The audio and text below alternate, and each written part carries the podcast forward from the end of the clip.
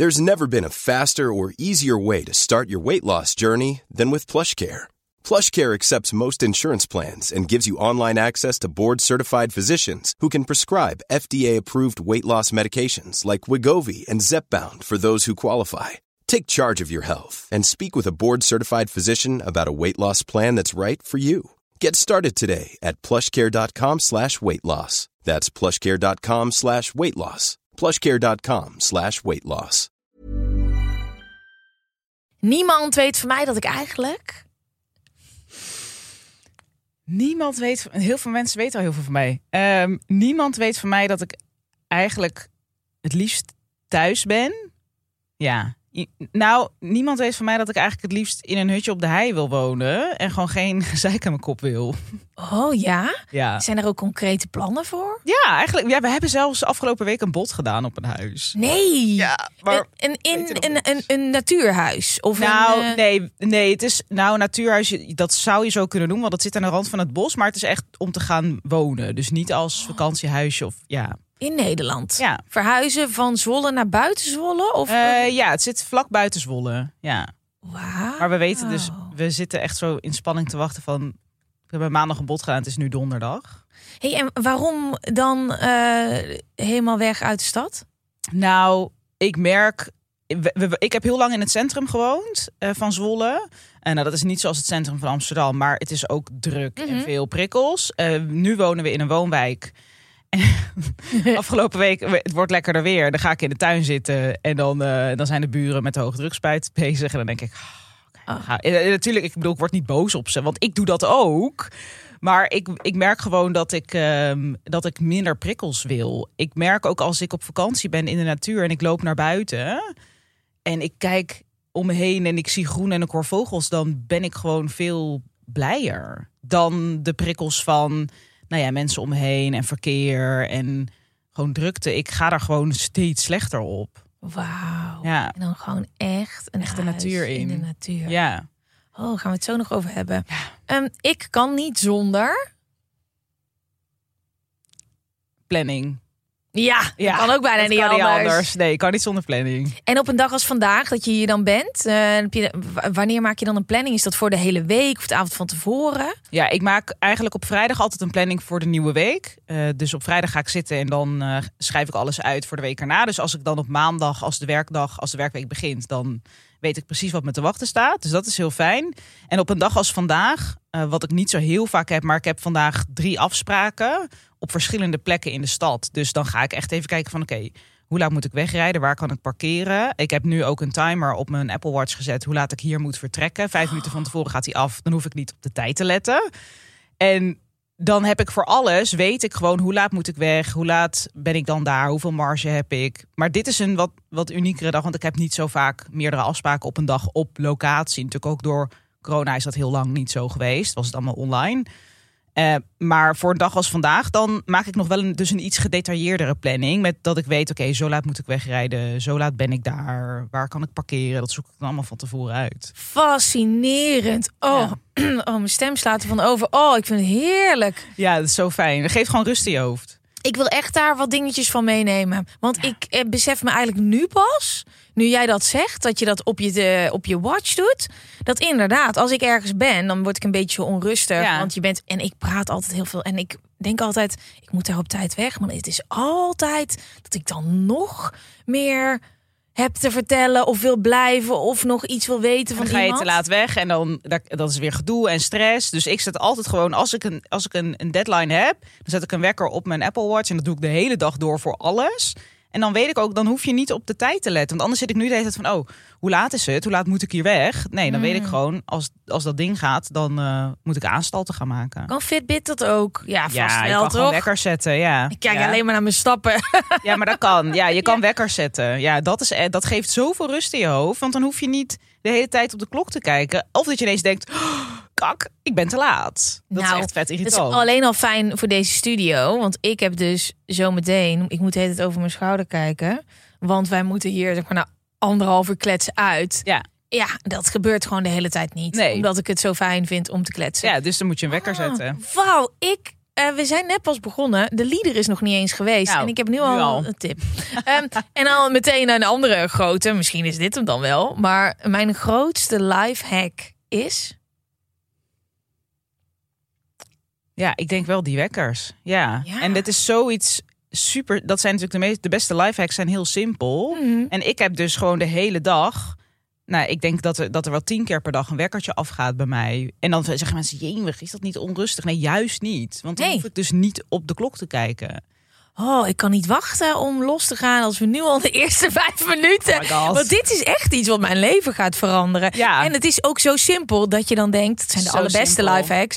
Ja. Hoezo heb ik hier nog nooit eerder? En ook voor pauzes. Dat ik, eh, ik lunch meestal als ik thuis aan het werk ben om 12 uur. Maar als ik niet uitkijk, dan, ja, dat ken je wel. Dan ben je zo lekker bezig. En dan ga je. En dan is het ineens Ja. drie uur. En dan denk je, oh, ik heb dorst en ik heb honger. Dus ik zet ook een wekker voor mijn pauzes. Dus om 12 uur gaat er dan een wekkertje van, oh, hey, even stoppen, pauze nemen. Dus dat, ik doe het ook voor dat soort dingen. En om je pols is subtiel. Ik heb wel eens gedacht aan wekkers zetten om te eten. Maar dan gaat je telefoon Ja, dat is zo af. heftig. Ja. en dat geluid en dat dus en op je op je pols is het dan trilt hij gewoon zachtjes. Dus dat is heel eh, dat is heel en ik gebruik hem ook als wekker om 's ochtends wakker te worden. Dus gewoon waar die voor bedoeld is, maar Ja. ik gebruik hem de hele dag door. Oké, nou, ehm, we gaan beginnen. Let's go, zin in.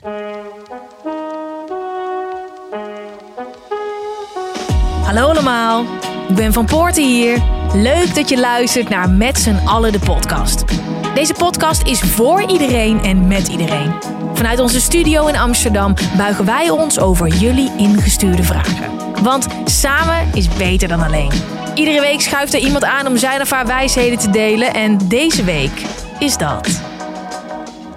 Cynthia Schultz. Pauw, pauw, pauw. Cynthia, ik vind het heel leuk dat je er bent. Ik ook. Ehm, leuk. We, we gaan eh, kletsen onder andere over hoe jij van Miss Lipgloss naar structuurjunkie bent gegaan. Ja. Allebei hele catchy namen, maar eh, jij hebt een hele hoop gedaan. Ik ga er even doorheen fietsen. Ehm, eh, je hebt een cv waar je eh, gek van wordt. Je hebt journalistiek gestudeerd, een diploma visagie. Je hebt boeken geschreven, je blogt, je onderneemt. Je hebt een eigen methode ontwikkeld. Je maakt content, je bent actief op YouTube. Mis ik nog iets? Ehm, nou, de planners, mijn boek. De Eh, planners. Dat, eh, eh, mijn membership, maar dit zijn wel de belangrijkste dingen. Ja.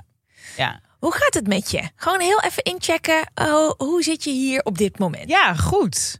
Gisteren net één wijntje te veel gedronken. Dus licht- heel lichtelijk hoofdpijn. Maar verder gaat het goed. Want jij bent naar Amsterdam gekomen. Je hebt hier vandaag allemaal afspraken. Je hebt hier in een hotelletje getukt. Ja. Wil dat zeggen dat je gisteren in je eentje uit eten bent? Nee, Oh. nee dat zou ik, zou ik gerust doen trouwens. Dat doe ik wel eens. Ja. Ehm, maar nee, ik ben gisteren met een vriendin eh, uit eten gegaan. Want ik dacht, ja, als Oh, ik natuurlijk, je kent hier ook gewoon mensen. Ja, Waarom denk je meteen dat je... Ja, je kent hier ook gewoon mensen. Nou ja, en dat is ook omdat ik vanuit hè, mijn, mijn sliplos verleden, toen was ik hier altijd voor al die PR-events, lanceringen. Dus ik ken hier wat mensen. Niet dat ik hier een hele vriendengroep heb, maar ik ken hier wel wat mensen. Als ik dan in Amsterdam ben, dan vind ik het wel leuk om even wat mensen te zien. Dus ik ga ook zo met een vriendin lunchen. Ehm, dus gisteravond met een vriendin het eten geweest. En eh, ja, was super gezellig. Maar net, net één wijntje. Maar nou, mijn vriend zegt dan altijd, dan was het precies genoeg. Dus nou, dat. Precies, precies. Ja, als je merkt dat het net een beetje dan... En mijn stem slaat het over. En moet ik denk ik heel even uitleggen. Wat jij net al zei, de wereld gaat weer open. Ja, ik merk dus dat ik ook in één keer weer de hele tijd afspraken in het echt heb. Ja, En dat ik dan echt heel veel aan het praten ben. Ja, het gaat weer gewoon. Ik, heb dat, ik merk het Oh, oh. ook. Ja. Ja, en, en bij een scherm ga je toch niet zo zitten schreeuwen of zo. Nee, en het duurt korter, heb ik de ervaring. Want als je samen zit, dan je bent gewoon langer, je, je bent gewoon langer aan het praten en meer. En Ja. die, die meetings zijn zo heel efficiënt. Oké, ja, nou als het klaar is, als het besproken is, dan ga je weer weg. Maar dat is ook weer leuk aan het elkaar in het echt zien. Ik bedoel, als wij Ja. nu dit digitaal zouden doen, zouden we een ander gesprek hebben. Onwijs, onwijs. Ja. En ik moet ook zeggen, het zijn echt dingen met vriendinnen. Dat ik op zaterdag gewoon, dat een vriendin van mij, een van mijn beste vriendinnetjes, die woont in Berlijn, die kwam hier naartoe. Daar ging ik mee kletsen. Toen ging ik s'avonds uit eten met Linda. Linda Hakenboom, hele goede vriendin van mij. En dat ik dan in één keer hele dagen aan het praten ben. En dat mijn stem denkt, maar what the fuck is Wat hier is aan de hand? Ja. Dus Ja. kleine disclaimer, jongens. Ja, eh, de wereld gaat weer open. Deze podcast is, eh, is pas live gekomen in corona. Dit is mijn nieuwe stem. hey, ehm, even heel kort naar de huishoudelijke mededelingen. Dan gaan we eh, los. Gaan we naar vragen. Mensen hebben vragen ingestuurd. En ehm, ik heb een beetje vragen gezocht die aansluiten bij jou. En ja, de, de- waar jij mee bezig bent. Dat is ook precies waar wij vragen over binnen hebben gekregen. En ik wist natuurlijk al even dat je kwam. Ja, leuk. Ehm, op het moment dat deze podcast uitkomt, zijn we net begonnen met met z'n allen fit in de club. Ehm, eh, met z'n allen fit. Eh, ik heb jullie er al heel veel over verteld, maar in deze challenge gaan we in één maand een nieuwe gewoonte aanleren. En het is eigenlijk een beetje onder de paraplu eh, mentaal en fysiek fitter worden. En die doelen zijn voor iedereen anders. Iedereen heeft een doel gekozen. En als je nou nu nog wil aanhaken, dan kan dat gewoon. Kijk lekker naar een linkje hier ergens in de bio. Of ga naar www.metzallen.nl slash met z'n allen de club. En als je denkt, nou ja, ik eh, heb helemaal geen zin in een challenge, maar eh, ik ben wel benieuwd naar de club. Er is genoeg te vinden. Solo podcast, moodboards, eh, een hele fijne community. Ehm, haak gewoon lekker aan als je daar zin in hebt. Yes? Oké, dan gaan we nu verder met de podcast. Ehm, eh, ooit Miss Lipgloss, nu structuurjunkie. Ja. Waar begon dit allemaal? Hoe begon dit? En je bedoelt structuurjunkie of mislip? Nee, gewoon helemaal in het begin. Oké. Want je hebt eh, journalistiek gestudeerd. Klopt. Je hebt een visagie-diploma. Ja. Daar is al iets aan de hand. Ja. Ja. Dat jij iets. eh, Dat, Ja. dat is toch een bijzonder pad. Want je bent niet visagist geworden. Nee, niet, ik heb niet als visagist gewerkt. Nee. Nee. Nee, ik eh, ben met Miss Liplos begonnen toen ik 16 was. Ja. Dus dat is heel lang geleden. Ik wilde gewoon schrijven over make-up. Ik vond make-up en beauty heel leuk. Maar ik had niet echt mensen in mijn omgeving die dat ook hadden. eh, die dat ook vonden. En blogs daarover, dat was er in Nederland gewoon nog niet echt. Dus toen heb ik op web-log.nl in twee klikken een blog gemaakt. En toen moest ik een naam verzinnen. En toen dacht ik, eh, ja, ik heb veel lipgloss dan Miss Lipgloss. Dus dat heb ik echt in vijf seconden bedacht. Oké, Ja. Miss Lipgloss. Nou, en daar heb ik dus vervolgens eh, tien jaar... Nou ja, nog steeds eh, loop ik ermee. Want mensen zeggen nog eens, oh, jij bent van Miss Lipgloss. Ik Denk, ja, dat is echt soort van zes jaar geleden. Ja. Maar het is wel, ja, daar is het begonnen. Gewoon voor, vanuit mijn liefde voor make-up en liefde voor alles wat met beauty te maken had. Toen dacht ik, nou, ik ga er gewoon over bloggen. En dat is toen eh, uit de hand gelopen. Ja, en eh, uit de hand gelopen in wat voor vorm? Nou, dat ik, eh, ik zat toen nog op de middelbare school natuurlijk. En ik ben, toen ik 18 werd, ging ik journalistiek studeren. En ergens in die tussentijd ontplofte dat. Dus er kwamen zoveel bezoekers naar mijn blog. En ik wist niet waar ze vandaan kwamen. Want Google Analytics, dat, ja, dat bestond wel. Maar ik had dat niet. Ik wist niet wat dat was. Ik bedoel, nu zijn we alles aan het analyseren. Maar toen, nou, er kwamen bezoekers. En toen ineens kwamen er PR-bureaus in mijn inbox. Van, eh, hey, ehm, je hebt veel bezoekers. Mogen we je wat opsturen? Wil je iets uitproberen? Dat ik echt dacht, mag, krijg ik dit gratis? Oh, ja, dus ik kreeg ja. ineens allemaal spullen die ik... Weet je, ik was, ik was toen 17, 18. eh, dus ik wilde natuurlijk al die mooie spullen wilde ik kopen. Maar ik had het geld daar helemaal niet voor. Dus dan spaarde ik echt voor iets. Voor een palet of voor een lipstick of een mascara. En dan ging ik dat testen voor mijn blog. En toen kreeg ik ineens mailtjes van PR-bureaus mogen je wat opsturen. En dat vond ik echt zo van, eh, ja. En toen heel snel kreeg ik aanvragen van bedrijven die zeiden mogen we je betalen dat je gaat schrijven over onze producten. En toen dacht ik ook van? Oké, bestaat dit? En zo, zo ging dat die eerste jaren. Dat ik allemaal dingen ontdekte van... hé, hey, dit kan dus. Ik, dat dat was helemaal niet de insteek waar ik mee begonnen was. Ik vond het gewoon leuk. En ik had geen idee dat ik daar geld mee kon verdienen. Wauw. Ja, Hoe voelde dat toen je die gratis dingen opgestuurd kreeg? Ja, dat was, in het begin was dat echt amazing. Want ik kreeg dan... Ik weet niet eens meer wat het eerste... Volgens mij was het eerste iets van Mac. En Mac is natuurlijk nog steeds een merk wat ik heel graag gebruik. En dat was toen echt zo van... Oh my god, ik krijg iets van Mac. En dit was gewoon... Ik was helemaal in de gloria ermee. Want ik...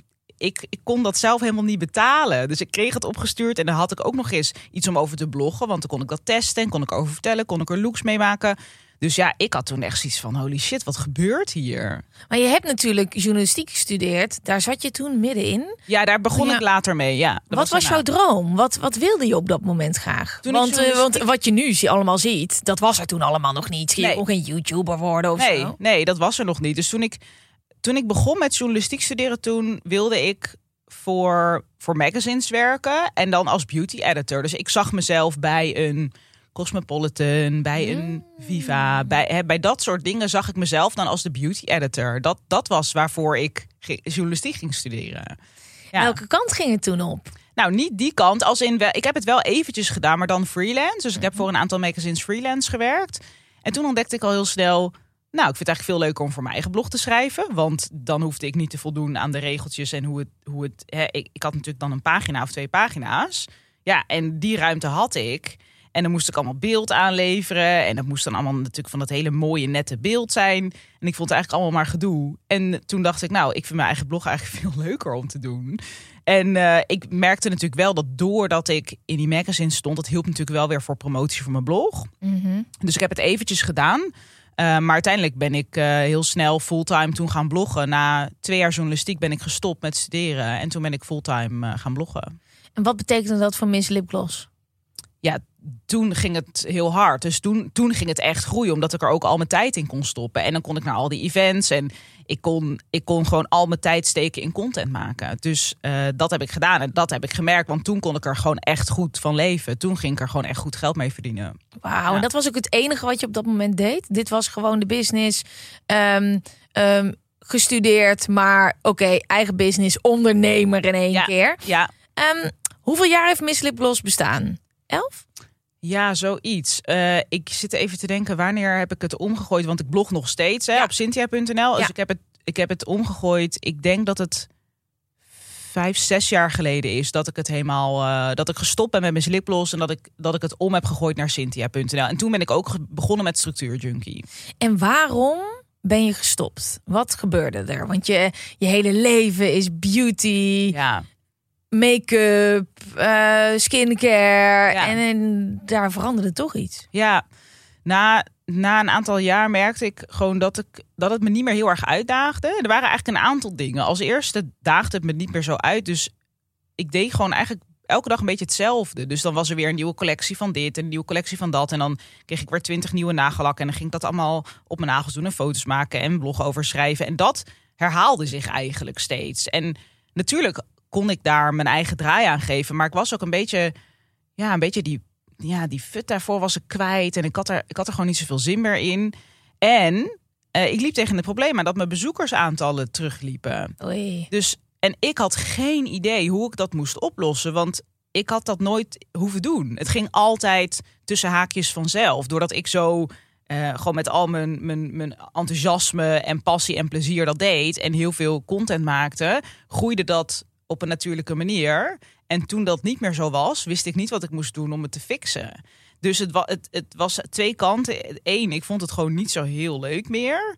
Ik was een beetje de. Ja, ik, ik was gewoon de uitdaging een beetje kwijt. En, en aan de andere kant liep het terug. Dus bezoekersaantallen liepen terug. En dus ook mijn verdiensten liepen terug. Want als je minder bezoekers hebt, verdien je minder. Dus krijg je minder voor je advertenties. En toen dacht ik, kak, wat, wat moet ik nu doen? En dat wist ik echt even niet, wat ik moest doen. Was er een optie voor jou in jouw hoofd? Dat je gedacht, nou, dit, dit is gewoon wat ik voor de rest van mijn leven ga doen. Dit vind ik leuk. En dan in één keer sta je op een punt dat je... Het werkt niet meer. Je hebt geen zin meer. Succes is minder. Ja, dit is toen ik toen ik fulltime Miss Liplos ging doen, in mijn hoofd was dat wat ik ging doen. Dus Ja. dat was misschien een beetje naïef op die leeftijd, maar ik was eh, ik was 19. Eh, toen dacht ik, dit, dit is mijn, ja, dit ga ik forever doen. Totdat ik Ja. een oud dametje ben, ga ik gewoon elke dag delen over make-up. En daar verdien ik mijn geld mee. En toen eh, dacht ik ineens, kak, dat, dat is dus niet zo? Vraagteken. Zo ik, ik, wist, ik wist gewoon, ik wist het niet. En dat heeft dus ook heel veel, voor heel veel twijfel gezorgd. Want ik dacht, maar dit is wat ik kan. Wat ga ik dan doen? Dus En het is je identiteit na zoveel jaar. Dit is gewoon wie jij bent. was dat, ja. Ja. Hoe heb je die omschakeling gemaakt en hoe heb je besloten om er echt mee te stoppen? Nou, ik heb eerst heel lang getwijfeld. Dus eerst heb ik het heel lang niet hardop durven zeggen. Want het zat heel erg in mijn hoofd en ik maakte, maakte me zorgen. Maar ja, ik durfde niet zo het te zeggen. Omdat ik was ook een beetje bang voor wat er dan zou gaan gebeuren. Want als je het hardop zegt, dan is het er. Dan is het echt. Maar ook was ik een beetje bang dat mensen zouden zeggen van ja, maar jemig, kijk even wat je hebt. En het gaat, het gaat ook hartstikke goed. En je kan nog dit en je kan nog dat. Dus ik was ook een beetje bang wat mensen zouden zeggen. En toen kwam er een moment, toen was ik met mijn vriend eh, aan het reizen. En dat gaf wat rust in mijn hoofd. Van oké, ik had wat afstand en ik kon er wat meer over nadenken. En toen heb ik echt besloten van ik ga het niet meer doen. Ik ga stoppen met Miss Lipgloss. En hoe en wat wist ik toen nog niet.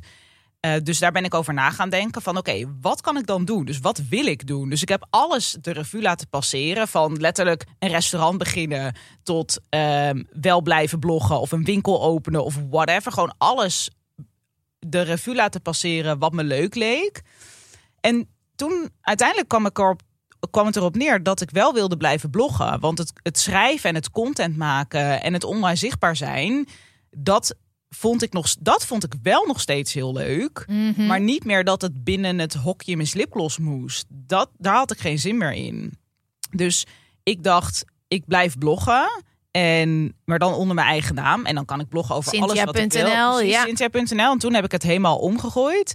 En toen ontstond eigenlijk op datzelfde moment sto- ontstond het idee voor Structuur Junkie. Dus dat kwam toen nou, niet helemaal vanzelf. Maar ik, het, ik ben niet zo gaan zitten van oké, nou en wat nu? Ik ben toen begonnen met oké, ik ga het helemaal omvormen naar Cynthia.nl. En toen ontstond er dus blijkbaar ineens ruimte en voor mezelf de, denk de toestemming om te onderzoeken van oké, maar wat wil ik dan en wat vind ik leuk? Waar ben ik goed in? En toen ontstond Structuur Junkie of het idee voor Structuur Junkie. Ja, en eh, aan de buitenkant moet dat heel gek zijn geweest voor mensen. Toch? Dat je Ja. denkt, nou, maar ik wil make-up advies. En Ja. in één keer is daar een andere Cynthia Ja, die heel erg thuis is in structuur. Ja. Is dat altijd al zo geweest? Ben je Ja. altijd al zo gestructureerd geweest? Ja, dus dat zit wel echt in mij. En dat is ook hoe het is ontstaan. Omdat ik blogde toen op Cynthia.nl een aantal keer over productiviteitstips en plantips. En daar kreeg ik dan zoveel vragen over. En toen dacht ik, Mm. hmm, dit is dus blijkbaar niet iets wat normaal is voor mensen. Dat ze structuur hebben en dat ze eh, weten wat ze moeten doen. En dat ze een planning kunnen maken. Blijkbaar kunnen mensen dat niet uit zichzelf. Voor mij is Nee. dat heel eh, natuurlijk. Ik bedoel, ik moet er ook wel mijn best voor doen. Maar het zit wel echt in mij als persoon. En toen dacht ik, oh, oh, dit is dus een onderwerp waar mensen op zitten te wachten. En toen dacht ik eerst, ik kan er een hele YouTube-serie over maken. Maar toen, ik had meer zoiets van, nee, ik wil, ik wil echt iets, iets met een product gaan doen. Dus ik wil echt iets, echt iets fysieks gaan maken. En daar is het toen echt begonnen.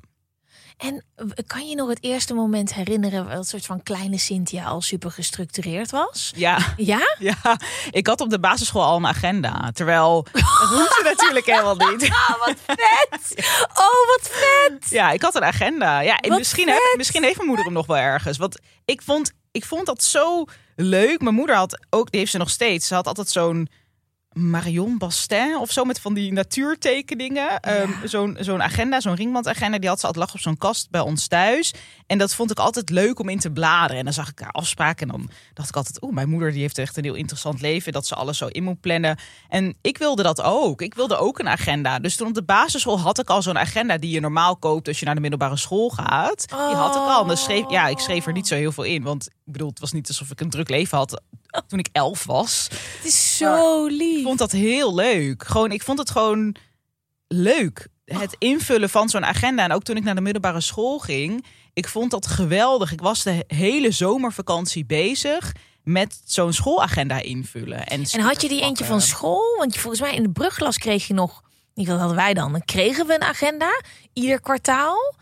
Maar daarna kon je dan ook een eigen agenda. Wij-. Had je meteen dat je eentje zelf... Wij kochten er zelf één. Ja, we kregen er niet één. Dus we mochten er zelf één uitzoeken. Maar toen Ja. ging jij natuurlijk helemaal los toen je je rooster kreeg. Ja, ik vond het geweldig. Ik, had, ik weet nog precies wat voor agenda ik had. Ik had een fancy agenda. Oh. En eh, roze. En ja, ik vond het, ik, het, was, het was het einde. Ik was daar de hele zomervakantie mee bezig. Met, het, met alles.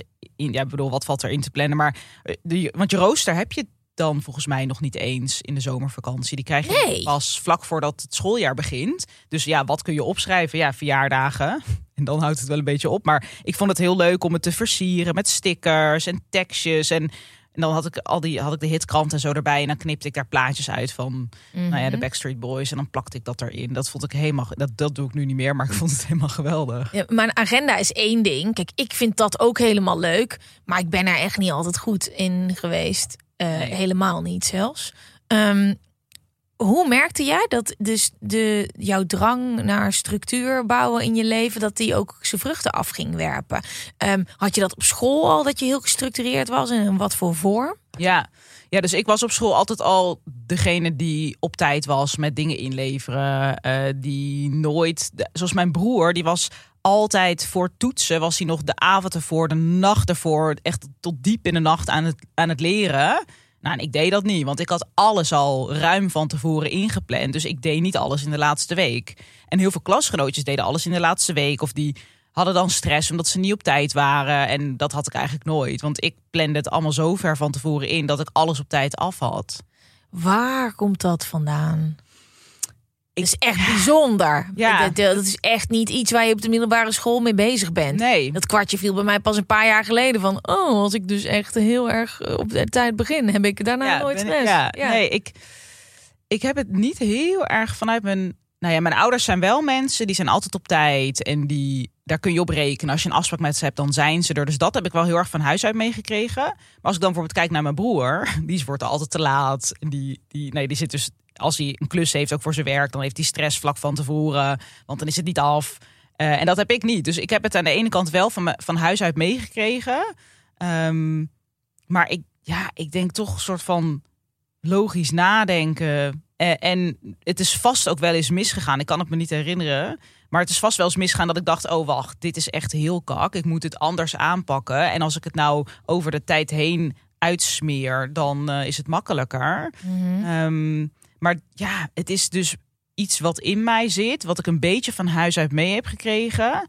Maar ik heb ook, dat is wel iets wat echt een van mijn waarden is. Ik vind afspraken extreem belangrijk. Dus nou, je hebt het vanochtend ook gemerkt. Ik ben hier dan te Ja, de eerste gast in de geschiedenis van de podcast... die hier eerder is dan dat ik hier ben. Ja, ja. Fantastisch. En, het, en niet zomaar. Nee, ze zat daar gewoon als de rust Heel zelf. relaxed, ja. Met een kopje koffie. Gewoon lekker te wachten. Ja, Ja, te chillen. Ja, en heerlijk. Dat is wat ik heel erg, wat, wat voor mij heel belangrijk is. En dat was, was op de middelbare school ook al. Ja. Gewoon die afspraken, eh, ja, je afspraken nakomen. Dat, is, eh, dat staat voor mij echt bovenaan. En dat zijn afspraken met anderen, maar ook afspraken met mezelf. Maar ja, ik denk dat het daar vandaan komt. Dat mijn ouders, die, die hebben twintig jaar een winkel gehad. En die waren elke dag om half acht in die winkel. Gewoon, er was geen... Het gebeurde niet dat ze er niet waren. En dat heb ik wel heel erg van hun meegekregen. Dat je neemt je verantwoordelijkheid en je bent er op tijd. En ja, anders dan stel je andere mensen, maar ook jezelf teleur. En dan krijg je stress van. Dus ja, dat is, ja, dat is wel iets van me, wat ik toch wel van mijn ouders heb. En wat ik zelf heel erg meegenomen heb. En toen was structuurjunkie in één keer daar. Ja, Vond je het spannend? Een beetje wel, omdat ik dacht, gaan mensen dan nu zeggen van... "Huh, maar jij was altijd van de make-up en Ja, eh, nu, eh, nu ben jij van de structuur.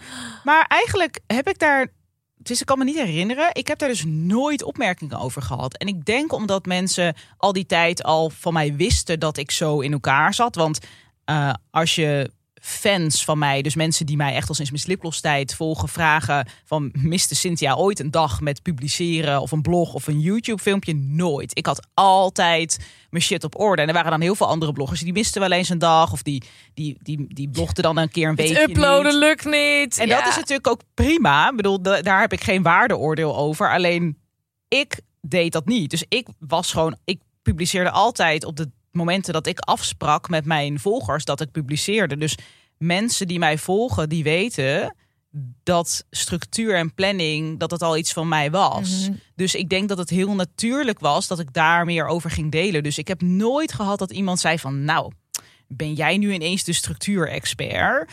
Ehm, dus eigenlijk ging dat heel natuurlijk. Maar ik was daar natuurlijk wel een beetje bang voor. Van, wat gaan mensen zeggen? En gaat het lukken? En kan ik dit wel? Eh, ja, die twijfels waren er wel. En Ja. daarnaast eh, eh, lees ik ook op je website dat je zegt: Ik ben verslaafd aan delen in Ja. iedere vorm. Ik vroeg me af of jij wel eens last hebt van oversharing. Vroeger wel. En moet, misschien moeten we even zeggen wat dat is. Ehm, ik heb het daar nog nooit in de podcast over gehad. Maar het is eigenlijk dat je te veel deelt. Dat je eigenlijk denkt, nou, we herkennen het misschien allemaal wel. Maar je hebt een vet leuke avond. Of eh, je bent met je collega of wat dan ook in een bepaalde setting. En je komt thuis en je denkt, oeh. ik heb misschien ben ik mijn eigen grens wel een beetje overgegaan. En jij zegt letterlijk op je website: Oh, ik deel alles. Ik ben verslaafd aan delen. Of het nou structuur is, maar ook mijn privéleven. En Ja. ook als het wat minder goed gaat. Ja. Eh, vroeger deed ik dat wel best wel vaak. Dat ik een beetje dan, ja, dat voelt een beetje als een kater. Hè? Dat je dan denkt: oh shit, dit eh, had ik misschien niet eh, moeten delen. Heb je een voorbeeld? Ehm, ja, ik heb wordt best wel vaak gedeeld. Ik heb heel lang heel veel moeite gehad met ehm, online kritiek. Dus mensen die online lelijke dingen over mij zeiden. Eh, en daar ging ik dan soms online, vooral op Instagram stories, heel erg over uitweiden. Dus dan had ik weer, ja, ik vind het achteraf, denk ik, had ik weer een jankverhaal over dat iemand iets lelijks had gezegd. En nu denk ik echt, jemig, je maakt het veel, daardoor veel groter. Je gaf Ja. er heel veel aandacht aan. Ja. En ik ben me daar nu veel bewuster van dat ja, alles wat je aandacht geeft, dat groeit. En als ik nu, stel, ik krijg straks een lelijke comment op Instagram. Wat was die comment? Dat kan echt van alles zijn. Maar ik, ik was me vooral altijd heel erg aan het opwinden over mensen die commentaar hadden over mijn uiterlijk. Dus Ja. over dat ik eh, te dik was of dat ik scheve tanden had of whatever. En dan maakte ik daar weer een heel drama van. En eh, ik bedoel, niks te nadelen van, mensen die dat doen. Alleen ik merkte gewoon dat ik werd daar echt Ja. gestrest van. Ja, nee, ja, snap ik. En in ons geval, als je dus, dat heb ik ook echt heel vaak, dat ik dan iets in mijn story zet. Maar dan wist ik ze gewoon. Dan hebben Ja. natuurlijk wel al best wel veel mensen het Ja, gezien. dat maar dat je dan meteen heel veel mensen het zien. Eh, maar ook gewoon wel in, in privéverband heb ik het wel eens hoor. Dat ik dan denk, oh, ik voel me zo op mijn gemak. Ik vertel mijn hele leven mijn onzekerheden. En dat ik dan achteraf in bed lig, dan denk ik, ja, Ja, dat heb ik ook wel eens ik had gehad. het niet. Ik Ja. had het eigenlijk niet willen zeggen. Dat heb ik nu wel minder. Dus ik, ik bedenk nu veel beter wat ik wel en niet deel. ja. Eh, en vooral, ik vind op zich heel oké om hele persoonlijke dingen te delen. Ehm, zoals begin dit jaar lag mijn vader in het ziekenhuis en daar had ik heel veel zorgen over. En dat, dat heb ik dan online gedeeld. En ik kreeg ook superveel steun van mensen die zeiden, oh, ik heb hetzelfde meegemaakt en mijn vader heeft dit ook gehad. En dat was dan super fijn. Dus daar voel ik me dan helemaal oké bij. Maar met dingen als, nou ja, wat ik net zei over dat ik dan helemaal nou ja, Ja. dus een soort jankverhaal ging houden over mensen gaan zich ook weer ermee bemoeien. Het wordt alleen maar groter. dan en die mensen krijgen en Ik was daar de hele dag dan mee bezig, want iedereen ging me DM'en. Dus dat is iets waar ik dan wel spijt van had. Ehm, en eigenlijk heb ik dat nu niet meer zo heel vaak. Dat ik denk, oh, dat had ik misschien beter niet kunnen delen. Eh, omdat ik er nu toch wel tien keer over nadenk voordat ik iets op stories of Instagram of op mijn blog zet. Ja. Eh, ja, dus ik. En, en ook als het over anderen gaat, dan check ik het al helemaal eh, Mhm. twintig keer. Dus ik heb het nu niet meer, maar vroeger wel best wel vaak gehad. Dat ik dacht, mm, had ik misschien niet hoeven delen. ja, want je zegt dat je ook al je dieptepunten deelt. Er was een, een moment dat het even niet zo goed met jou ging. Ja, ja. Dus Wat gebeurde er precies? Ja. Neem ons even helemaal mee terug naar het moment. ik weet eh, niet meer precies welk jaar het was, maar dat eh, kunnen we zo terugvinden op mijn blog. Ehm, Dat is wel handig. Dat is handig. Ik heb heel vaak dingen dat ik denk, wanneer was het ook alweer? Oh, even terugzoeken op mijn blog en dan weet ik het weer. Ja, ik, ehm, eh, ik was overwerkt. Dus. ehm, ik, En hoe kan dat met zoveel structuur? Ja, Terwijl als ik jou hoor zo, dan denk ik, oh, het is ook al... Als je zoveel structuur hebt, het is ook zwaar. Ja, het is ook een verantwoordelijkheid. Maar toen deed ik gewoon veel te veel. Dus ik had te weinig structuur voor de hoeveelheid werk die ik had. Ik had te weinig tijd voor mezelf. En ik deed gewoon alles wat op mijn pad kwam. Dus dat was ook een beetje mijn strategie toen ik Miss Liplos deed. Toen dacht ik gewoon alles wat naar me toe komt, dat doe ik gewoon. Want er, er belandde van alles op mijn schoot. En dan dacht ik, oh ja, als ik dit nu niet aanpak... eh, ja, misschien eh, is die kans er over een jaar of twee of drie is hij er niet meer. Dan heb ik spijt dat ik het niet gedaan heb. Want iedereen zegt altijd, je hebt alleen maar spijt van de dingen die je niet gedaan hebt. Oh god, ja. En, en, maar dan zei je dus ja op dingen. Wat waren dan, eh, dan kan je een dag beschrijven die crazy was? Hoe zag je leven er toen uit? Nou. waarvan je denkt, nou dat doe ik nu niet meer. Nou, eigenlijk alles. Dus ik deed gewoon honderd dingen tegelijk, maar ook best wel grote dingen. Dus ik had mijn blog, waarop ik veertien keer in de week publiceerde. En dat deed ik allemaal zelf.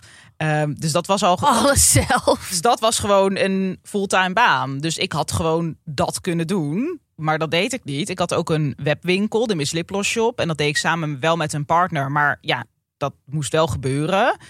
Ehm, ik heb toen in die tijd ook een boek geschreven, mijn eerste boek. Ik had een heel groot beauty-event met een partner waar 9000 mensen op afkwamen. Dat deden we elk jaar. Ik schreef voor magazines, ik gaf lezingen, workshops. Ik deed gewoon alles. En elk interviewverzoek dat ik kreeg, nou, podcasts waren er waren er toen wel, maar nog Ja, niet zoals nog niet nu. zo. Maar vooral magazines, tv-dingen. Eh, ik was toen beauty-expert bij Koffietijd. Ik deed gewoon alles, want ik dacht, nu is het moment. Nu kan het.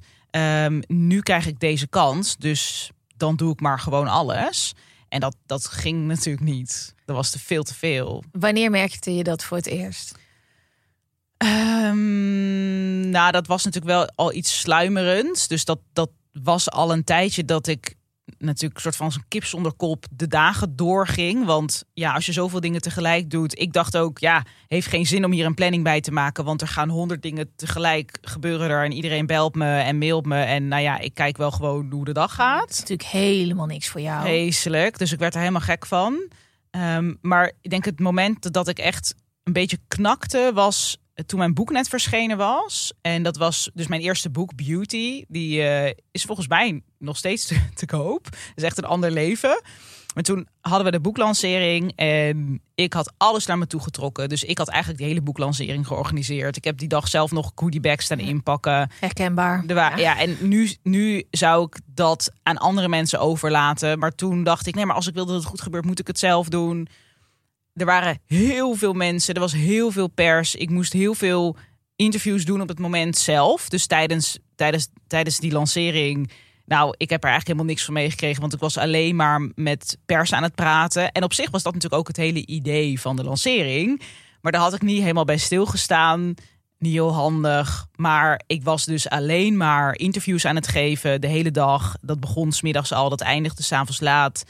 En toen bleef ik met mijn vriend in het hotel slapen waar we de lancering hadden. was hier in Amsterdam. En toen had ik mezelf een dag vrijgegeven van oké, één dag gewoon, we gaan lekker even de stad inlopen en we zien het wel. Dus ik had één vrije dag. En toen ochtends belde mijn uitgever, wat overigens niet de uitgever van mijn planners is. Ik werk nu met een andere uitgever. Die belde, ehm, ja, we hebben een interview aanvraag van Radio 1. En dat is vandaag. Dus ik zeg, ja, ik zeg, sorry, maar ik, eh, ik kan het niet doen. Weet je, ik, ik moet echt even niks hebben vandaag. Nou, en toen ben ik voor mijn gevoel, misschien hebben zij het anders ervaren, voor mijn gevoel ben ik een beetje onder druk gezet om het wel te doen. Eh, was van ja, weet je, deze kans is nu. En als je het nu niet doet, dan krijg je Zij weet ook niet waar meer. jij dan helemaal zit mentaal. Nee, en ik had wel gezegd van ik moet echt even wat tijd voor mezelf. Maar ik heb mijn grens daar ook niet duidelijk in aangegeven. Dus dat is ook dat, dat ligt natuurlijk voor 90% bij mezelf. Voor mijn gevoel werd ik onder druk gezet. En toen brak ik. Maar toen heb ik wel gezegd van ja, nou ja, als het, als het niet anders kan, maar dan moeten ze me wel hier ophalen of zo. Met een wat ik Je moest, moest naar naartoe. Ja, ik moest naar Hilversum. Oh nee. Dus ik zat al echt in, echt in tranen. Probeerde ik niet, niet heel erg te laten blijken. Maar ja, dan, moet, ik zei, dan moeten ze me wel ophalen. Want ik kan het echt mentaal niet aan om daarheen te reizen. Want ik ben nu hier. En, eh, nou, en uiteindelijk eh, werd ik toen na een half uur gebeld van... eh, ze hebben redactievergadering gehad en het gaat niet door. Maar toen was ik al soort van... Ik, ik was helemaal... Ik was echt gewoon in tranen. En ik, ik kon het Oh. mentaal helemaal niet meer handelen dat ik die dag nog iets moest doen. I feel you, ja. ja, ja, ja, ja. Dus dat was eigenlijk dat ik dacht, oké. En mijn vriend was erbij en die zat echt van... Wow, dit, volgens mij gaat het niet helemaal goed. Ik zei, nee. En toen ben ik gaan kijken. Ik weet niet, niet meer precies echt hoe die dagen ernaar zijn gegaan. Maar ik had toen wel zoiets van, dit kan niet. Ik moet dingen gaan schrappen. Ik moet iets ergens mee stoppen. En ik wist toen nog niet zo goed hoe of wat. Maar ik dacht wel, ik kan niet zo doorgaan. Want eh, ik, ik kon gewoon niet meer. En hoe heb je gas teruggenomen? Want je zit natuurlijk in een machine die loopt. Ja, en ik dacht vooral, ik kan niet stoppen met bloggen. Want dan heb ik geen inkomen. En de enige die dat kan doen ben jij. Ja, ja. Hoe heb je dat gedaan? Nou, ik ben blijven bloggen. Dat ik nu denk, jee, maar meid. Ik had even een paar, een paar maanden gewoon even niks gedaan. Maar dat voor mijn gevoel kon dat niet. Ik dacht, Welk als ik- jaar was dit ongeveer? Want het was ook heel lang nog niet heel erg normaal om dat te zeggen als je niet een man in het zakenleven Nee, hoor, was aan de top. Dat, nee, want ik heb hier ook heel veel shit over gehad. Want dat was echt de tijd waarin je dit soort dingen nog niet echt deelde. Van, oh, trek het even niet. Ehm, ik denk dat het... eh, we, wonen nog in, we wonen nog in de stad. Ik denk dat het 2000... Nee, nee, wacht. Eh, ik moet het opzoeken. Ik denk dat het een jaar of zeven geleden is geweest. Oké. Maar dat is even met een disclaimer. Dat is dan niet zeker. 2015. Zoiets, ongeveer. denk ik. Ja, ja, ja, ja. Ja, zoiets. Ja. Ja. ja. en dat was echt de tijd waarin... Nou ja, je deelde wel veel, maar dit soort dingen... Ik, ik kreeg zoveel shit van hoe kun jij nou... Hoe kan dit? Want jij bent toch de hele dag alleen maar je nagels aan het lakken, hè? Ja, ja, ja. ja, En ja. dat eh, vond ik toen wel lastig, maar ik had voor mijn gevoel moest ik het wel delen, omdat ik deelde al die dingen die leuk waren en die goed gingen. En ik ging wel iets minder bloggen, dus ik vond dat ik verantwoording schuldig was tegenover mijn lezers. Dus ik heb wel gezegd, ja, het gaat gewoon even niet zo goed en ik heb gewoon iets veel hooi me voorgenomen, moet even een stapje terug doen. Nou, daar heb ik toen zoveel shit op gehad, dat ik toen ook eigenlijk bijna zoiets had van, weet je, fuck het allemaal ook maar. Ik, ik bekijk het, maar ja, dat uiteindelijk kwam ik daar snel weer op terug, want ik dacht, als ik niet ga bloggen en ik raak mijn lezers kwijt dan ben ik alles kwijt. En die continue druk lijkt me heel heftig. Ja, dat was het ook. Ja, en ik, ik wist toen ook gewoon even niet hoe verder. Dus ik ben toen met alle dingen die ik deed, ik heb eigenlijk de meeste dingen of, of ik ben ermee gestopt of op een heel laag pitje gezet. Dus bijvoorbeeld die shop, dat, ik heb meteen bij mijn partners aangegeven, het gaat niet goed. Ehm, ik moet echt even, nou ja, ik- het, eh, ik doe alleen het minimale. En zij hadden er super veel begrip voor. Dus iedereen in mijn directe omgeving, die die was super lief. En die hadden heel veel begrip. En die namen me ook bij de hand van... hey, misschien kun je het zus en zo aanpakken. Denken we even met je mee. Dus in mijn directe omgeving was er super veel begrip en steun. En dat was heel fijn. Ehm, maar ik dacht wel, ik kan niet stoppen met bloggen. Want dan ben ik alles kwijt. Je kan het heel goed uitleggen. Want, en dat is misschien omdat het een beetje bij, eh, bij mij in hetzelfde straatje ooit was. Want heel veel mensen praten hier eigenlijk altijd over een burn-out. Want heel veel mensen hebben een burn-out gehad. Ja. Zeker de mensen die hier te gast zijn. Maar dat gevoel van... Precies wat jij zegt in die hotelkamer. Er komt iets binnen. Ik moet het eigenlijk al doen. Andere mensen zeggen: dit mag je niet missen. Het wel doen, maar het mentaal niet meer aankunnen. En ook nog niet het vertrouwen in jezelf en in je leven en in je kunnen hebben. Dat je denkt: fuck je, oh my god, ik ben gewoon even helemaal een soort van. Ik was bijna vergeten dat ik dat zelf ook ooit had. Omdat Ja. ik nu echt denk: fuck you. Eh, het is misschien gisteravond nog was er iets waar ik eigenlijk bij moest zijn. Wel dat ik eigenlijk echt vroeger was ik daar echt naartoe gaan. Ja, tandvlees. nu denk je, ja, doei. Terwijl ik hier om negen uur moest zijn. Dat ik nu echt dacht, gisteravond tegen mijn vriend zei... oh, ik ben echt wel blij dat ik daar niet ben nu. Mm. Ehm, maar dat gevoel van... het is niet eens dat het dan te veel is... maar de druk die je op jezelf is. Denk, maar als ik dit mis... Ja, als ik dan dit heeft niet dat doe- gevolgen. Ja. En ik wil dat mijn management blij is... en de uitgever blij is... en die mensen blij zijn. En als ik dit niet doe... Dan, en dan continu op dat gevoel maar dingen blijven doen... terwijl je zelf... Ik, ik, bijna misselijk word ik ervan. Ja, ik ook. En ik voel het ook weer. Ik ook. Ik zit helemaal daar dat ik een beetje zo. Ik voel. Oh, die druk. Ik herken het zo Ja, ik erg. bijna huilen weer van dat gevoel van dat ik allemaal dingen moest. En dat was natuurlijk vooral moest ik dat van mezelf. Want ik Ja. had best kunnen zeggen: luister, ik trek het niet. Of gewoon nee, kan niet vandaag. Ze bellen morgen maar weer. Of Maar dat is dan week. nog niet het punt waar je bent. Het Nee, dat kon ik niet. Nee, want je Nee. bent. En ik geloof ook echt die fases eh, waar we het zo over hebben. Dat een hele hoop mensen zo'n fase wel in hun leven hebben. En je, je moet echt actief aan jezelf werken voordat je op een punt komt dat je denkt. Maar deze kans komt ook wel een andere keer nog. Als het zo moet zijn. Ja, en moet het zo anders, zijn. en anders Ja. dan, nou ja, dan mis ik iets. Maar eigenlijk is die, die, die quote die je, altijd, die je mensen altijd hoort zeggen van... eh, ja, je hebt alleen maar spijt van de dingen die je niet gedaan hebt. denk ik, ja, maar dat legt dus echt een, ja, een onwijs grote druk op alles. Want Ja. dan heb je zo... Ik had dus altijd het gevoel, ik moet alles doen. Ik moet overal bij zijn. Eh, ik, ik werd helemaal gek daarvan. Maar dat was een druk die ik mezelf oplegde. Omdat ik dacht, nu krijg ik dit allemaal. En nu komt het op me af. Nu, en Ja, als je leeft naar die quote, dan is het he- ja. Ik, helemaal lijp. Ja. Want je, je, je gaat over al je grenzen heen. En bij alles denk je, ja, dit is wel een kans. Ja, maar ja, dat, dat heb ik nu nog steeds. Er zijn altijd een miljoen kansen. Ja. Maar ja, nu kies ik veel meer. Ja, en het, wat ik op een gegeven moment heel erg besefte is. Ja, als ik dan af en toe viel ik om, zeg maar. En dan kon ik ook niet goed mijn werk meer doen. Want ik heb ooit een burn-out gehad toen ik begin 20 was. En daarna zijn er nog allemaal punten geweest. Maar ik wist, doordat ik heel vroeg die burn-out had.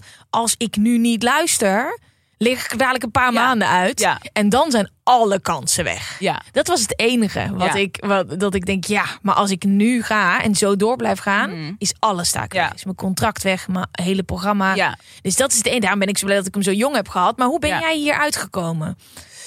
Nou, dus door eerst bijna alles wat niet essentieel was te schrappen. Dus in mijn hoofd was bloggen, daar, dat moest gewoon. Ja.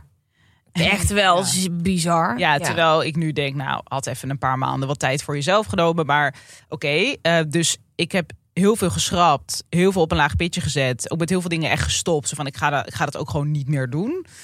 Ehm, en daarna ben ik veel meer gaan focussen op het bloggen. En toen ben ik meer dat proces ingegaan van... hé, hey, maar wil ik dit eigenlijk nog wel? En toen dus naar de switch naar, naar Cynthia.nl. Dus dat, dat kwam, kwam niet heel lang daarna. Dus dat is echt ook een soort wake-up call Ja. geweest. Dat je alles onder de loep hebt genomen en dat je bent gaan kijken. Want dat is het ook vaak, hè?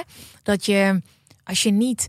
eh, ik merk dat de dingen die ik nu op dit moment doe, die zijn heel erg eh, gelinkt aan mijn gevoel. En dan merk Ja. ik dat ik eigenlijk ook wat harder kan gaan. Ja. Of wat diepere gesprekken kan voeren. Of net soort van net wat meer energie. Dat verbaast me de hele tijd. Dat Ja. ik nu dingen doe en dat ik denk, hé, hey, ik kom thuis, ik heb geen hoofdpijn. En ik kan ook iets leuks doen met mijn vriend. Nou, Ja. vroeger, als ik eh, opnames had gehad, dan, Ja, dan ben je kwam ik thuis. Dan wilde ik gewoon met een deken over mijn hoofd liggen. Maar de, het is vaak zo'n punt dat je dan echt even gaat evalueren. En gaat kijken, Ja, oké, Waar dit- krijg ik energie van en waar word ik blij van? dit helemaal niet meer. Zit ik mezelf in een soort huis te duwen wat helemaal Ja. te klein is voor mij. Ja, en dat is, dat is wat ik heel lang heb gedaan. Dus ik heb heel lang. Eh, en ik denk dat dat ook deels de burn-out heeft veroorzaakt. Dat ik heel veel dingen deed die helemaal niet bij mij pasten. Dus Voorbeeld van eh, nummer één wat helemaal niet paste. nou, ik ging al die events af. Dus Oh my god, ja. En maar eer- eerlijk, als corona ons één ding heeft opgeleverd, is dat die. Ja, oké, voor iedereen die nu luistert, die denkt. Kijk, aan de voorkant ziet deze shit er super leuk uit. Ja. Dat is ook de bedoeling. Er, Ja. er wordt iets toevallig ga ik vanavond wel naar iets vets toe. Maar ehm eh, eh, sidetrack, sorry jongens. Maar ehm, ja, want het is ook de eerste week dat die dingen weer allemaal. Ja. Ik heb drie avonden dat ik eigenlijk dingen moest doen. En gisteren heb ik dus al gecanceld. Maar dat al die events zijn mooi en er staat een leuke taart of er is iets leuks. Op story ziet het er vet uit, maar aan de achterkant is het gewoon een hele grote groep mensen die elkaar niet altijd kennen. Socializen de hele avond. Mega fucking awkward. Vaak ga ik er ook alleen heen. ja, ik, ik ging ook altijd alleen. En dat deed ik echt heel veel. En je moet je dan voorstellen eh, voor mensen die dit niet begrijpen. Wat ik, wat ik Ja, want het, want het events is eigenlijk de, de etentjes en de dineetjes Ja, en de, de, dingen. de, ja. de lanceringen van. Ik ging dan heel vaak naar lan- lanceringen van beautyproducten of nieuwe collecties. En PR-bureaus die, re- die, die regelden dan een leuk event. En dan de ene keer was het een lunch. En dan werd er iets gelanceerd, was er een presentatie. En de andere keer is het s'avonds een feestje. En dan werd er iets. Maar altijd was er iets rondom een product. En ik dacht altijd, ik moet overal mijn gezicht laten zien. En ik, ik moet daar zijn. En het was soms ook wel echt heel leuk. Alleen, eh, en ook energie. nuttig. Maar ik ging, ik deed veel te veel. Dus ik, ik was bijna elke dag in Amsterdam, terwijl ik in Zwolle woon. Dus dan ging ik elke dag heen en weer. En Oh. het, je moet je voorstellen, dat was niet hetgene waar ik mijn geld mee verdiende. Mijn geld verdiende ik echt met content maken, want daardoor kwamen er bezoekers op mijn site en kon ik geld verdienen. Dus ik, ik ging naar al die events en eigenlijk past het helemaal niet zo bij wie ik ben. Want ik ben best wel introvert en ik ben hooggevoelig. En nu, nu kies ik veel meer. Ik bedoel, ik heb vandaag drie afspraken en ik vind het superleuk. Maar dan Ja. weet ik morgen doe ik in ieder geval in de ochtend even helemaal niks. En dan, dan zoek ik een balans. Maar ik was me, me, mezelf in een soort hoek aan het duwen waar ik, ja, waar ik niet floreer, zeg maar. En ik kreeg hier wel eens opmerkingen over. Dus een paar jaar geleden zelfs nog schreef ik iets over hooggevoeligheid. En toen reageerde iemand iets, nou, wat een onzin. Want vroeger, toen je nog beautyblogger was, eh, ging je naar al die events. Denk ik, ja, precies. Maar dat, dat was niet iets waar ik gelukkig van werd. Maar dat leek aan de voorkant natuurlijk wel van, oh, alle events en persreisjes en superleuk. Maar het was echt veel te, het was gewoon, waren veel te veel prikkels voor mij. Dus Mm. ja, daar werd ik ook niet blij van aan het einde van de dag. Want ik was gewoon gesloopt. Ja, goed dat je dat bent gaan zien. Ja, bij Ja. mij was corona zo'n punt dat ik op een gegeven moment weer een event had. Na een jaar binnen zitten. Ja, Dat ik thuis kom dat ik dacht... Ik wil dit gewoon helemaal nooit meer. nee. Waarom was ik daar? Ja, Voor wie? Wat deed Ja, dit is daar? meestal gewoon om iemand te pleasen die het organiseert. ja, ja. Maar dat ik dacht, ik ga dat gewoon nooit meer doen. Nee.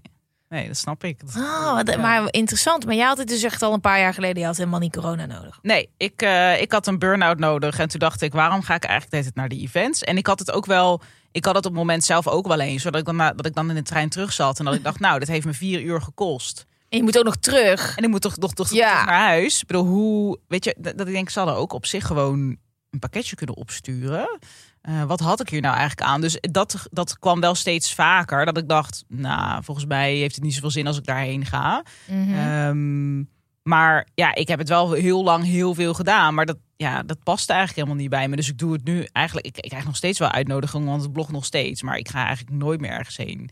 En soms dan zie ik, wel, zie ik het op Instagram wel eens bij anderen voorbij komen. En soms denk ik, oh, ziet er toch wel heel leuk uit. Ja. En dan denk ik, nou, nee, ik hoef dat niet meer. Oh, oké. Dus je, je hebt- je leven onder de loep genomen. Eh, je hebt je business onder de loep genomen. Ja, Eh, en eh, toen was het klaar om, om, om te knallen. ja.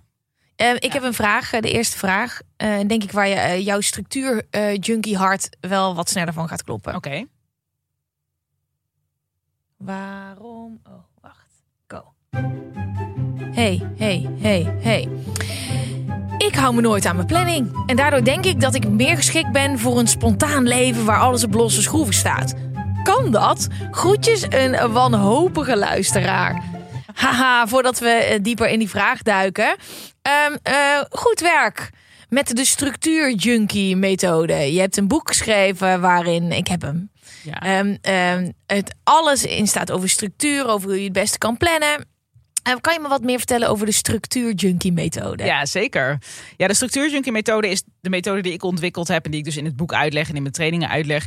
En het, het gaat erom dat je structuur aanbrengt in je leven. De. Ja. Ehm, en dat doe je in een aantal stappen, waarvan de allereerste is, en dat is waar veel mensen altijd over verbaasd zijn als ze ehm, mij gaan volgen. En dan denken ze dat alles gaat over productiviteit en super effectief zijn en efficiënt. Eh, het gaat om eerst tijd voor jezelf pakken.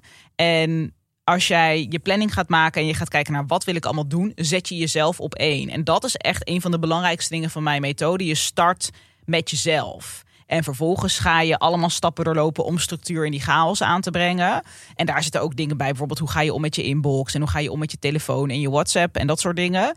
Maar het begint altijd bij jezelf. En dat is iets wat ik in niet zo heel veel productiviteitsmethodes zie. Want het gaat altijd over zoveel mogelijk doen, in zo min mogelijk tijd knallen, knallen, knallen. En ik denk dat kan pas als jij begint met jezelf. Dus als je zorgt dat je genoeg ruimte hebt om nou ja, rustig wakker te worden 's ochtends, om te bewegen, om te doen waar je blij van wordt, om te eten, om pauze te nemen, om gewoon even niks te doen, om te mediteren, whatever. Maar daar Amen. start het. Dat, Ja. dat is gewoon het, het startpunt, dat ben jij altijd zelf. Want hoe kan je nou gaan plannen in je leven als je niet weet welke dingen belangrijk zijn voor jou om in te plannen en welke dingen je eigenlijk helemaal niet in moet plannen en achterwege moet laten? Ja, dat Toch? kan eigenlijk niet. Ja, dus je moet eerst gaan bepalen wat zijn je prioriteiten. En die eerste prioriteit, dat ben je zelf. Dus jij bent altijd het allerbelangrijkste wat er is. En ik weet dat er heel veel mensen zijn die dat nog niet zo voelen. Maar dat is echt zo. Jij bent de belangrijkste persoon in je eigen leven. Dus daar begint het. En daaromheen komen alle andere belangrijke dingen. Maar je moet inderdaad wel helder hebben wat is belangrijk, wat is een prioriteit en wanneer plan ik die dan in. En hoe komt het, denk je, dat mensen ehm, dat toch nog niet echt doorhebben dat zij de belangrijkste persoon in hun leven zijn? Waar komt dit vandaan? Ja, ik denk, dat heb ik zelf natuurlijk ook meegemaakt, al die druk van buitenaf. Dus we krijgen zoveel verzoeken, we hebben zoveel verantwoordelijkheden. ehm, kinderen, een gezin, een partner, vriendinnen, Werkgever. Ja, werkgever zeiden zij voor een team. En iedereen wil iets van je. Het is grappig dat wij dat zeggen. We hebben allebei geen werkgever. Nee, maar die, ja, dat is, is wel iets wat soort van ook later in mijn rijtje. Oh ja, mensen hebben ook nog een werkgever. Ja. Ehm, en ik heb, ik heb een team waar ik mee werk. En nou ja, iedereen wil iets van je. Ja. En iedereen zal het ook aan je blijven vragen. En dan heb je ook nog je social media en je mail. En nou ja, daar komen nog allemaal dingen bovenop. En alle prikkels van tegenwoordig. Maar we willen eigenlijk iedereen blij houden. We willen iedereen tevreden houden om ons heen. Dus we gaan ons in bochten wringen om aan al die verzoeken te voldoen. Want we zeggen niet graag nee. We willen niet graag mensen teleurstellen. Eh, maar ja, als je dat doet, dan uiteindelijk ben jij degene die ergens onderaan bungelt en die geen aandacht krijgt en nou ja, die een burn-out krijgt. Maar ik denk dat we dat, dat, dat we dat moeilijk vinden, omdat we ook dat misschien arrogant vinden of egoïstisch. Dat is hem, hè? Ja. En heel, ik hoor het vooral heel vaak bij moeders van nee, maar mijn kind is het belangrijkste in mijn leven. Denk ik nee, jij bent het belangrijkste in je leven. Want als jij niet goed voor jezelf zorgt, kun je helemaal geen leuke, fijne, goede, lieve moeder zijn of partner. Of... Ja. Maar heel veel mensen vergeten dat en die vinden het ook ja, die vinden het ook arrogant om te zeggen. Terwijl ik zeg het echt de hele tijd. Ik ben de belangrijkste persoon in mijn leven. Dat is niet mijn vriend, dat is niet mijn moeder, dat is niet mijn vader of een vriendin. Dat ben ik zelf. Maar als rolmodel is dat ook heel mooi om te zeggen. Want jij zat hier vandaag te vroeg Ja. al helemaal relaxed. En als jij Ja. jezelf niet op nummer 1 zou zetten, dan was dat was het geval. chaos. En dan was ik vanochtend eh, waarschijnlijk te laat eh, vanuit Zwolle vertrokken met de auto in de file. En nou ja, nu was ik hier gisteravond al, zodat ik dan ook alle rust en ruimte heb voor mezelf. En daardoor zit ik hier ook. Weet je, stel nou dat ik dat niet had gedaan, dat ik inderdaad vanochtend in chaos en stress hier aan was gekomen, hadden wij waarschijnlijk een heel ander gesprek gehad. Mhm. En had ik mijn werk niet goed kunnen doen. Nee. Eh, dus ik denk dat heel veel mensen dat vergeten. Dat jij bent de basis van alles. Dus als jij niet goed voor jezelf zorgt, niet genoeg tijd voor jezelf neemt. ehm, nou ja, hè, die hele basis van mentale en fysieke fitheid. Als je dat vergeet, Ja. dan doe je ook je werk minder goed. Dan ben je een minder leuke partner, minder leuke moeder, minder leuke vriendin. Eh, minder leuke, ehm, als je een, bedrijf hebt, minder leuke werkgever, minder leuke teamlid, minder leuke collega. Uiteindelijk is wat jij bent en, wie, en, en wie, wie jij bent en wat jij doet, is de basis van alles. Maar dat, ehm, ja, ik, dat, dat vergeten veel mensen. En ik las gisteren weer eens de quote: Treat yourself like a million dollar racehorse. Dat is het. Want Oh, jij yes. moet alles. Die ken jij, ik helemaal niet, maar jij- dat is wel, ja. Jij bent degene die het moet doen. Weet je, jij bent een million dollar racehorse. En als jij denkt, nou ja, weet je, die, die million dollar racehorse, die ga je ook niet eh, verwaarlozen. Die ga je heel goed verzorgen en alle aandacht geven. Ik ga deze aflevering even eh, afronden, want ik had gewoon een wekkertje moeten zetten. Die aflevering, ik, ik kijk net achterom. Ik zie 50 minuten staan. En ik denk, dit is... Want we, normaal gesproken gaat dat allemaal... Ja, we zitten, ik zit gewoon heel lekker in je verhaal. Ehm, maar eh, de volgende aflevering gaan we beginnen met hoe jij jezelf als een million dollar racehorse behandelt. Ja. En hoe andere mensen dat ook kunnen doen. Yes? Ja. Ehm, ik sluit hem nu even af. Eh, tot de volgende.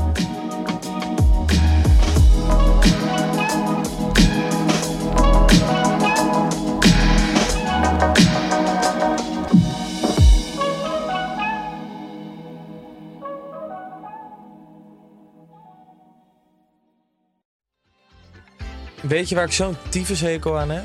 Toeristen, als het te druk is in de stad, zelf koken. Ja, alles wat je nu zojuist benoemt. En daarom maken jij, denk Daan Hogevorst, Ja, Robert Rodenburg. een podcast waarin we alleen maar klagen. Want klagen is HET medicijn tegen het collectieve leed wat maandag heet. Dus elke maandagochtend een nieuwe te horen op je favoriete podcast-app. Maandag Klaagdag! Jezus, zingen moeten wij nooit doen. Vind jij dat jouw merk het verdient om in het volgende rijtje Tony Media adverteerders te staan? Bol.com, Google, HelloFresh, Samsung, Coca-Cola, Land Rover? Dat kan, zolang je maar betaalt. Mail naar adverteren@tonymedia.nl.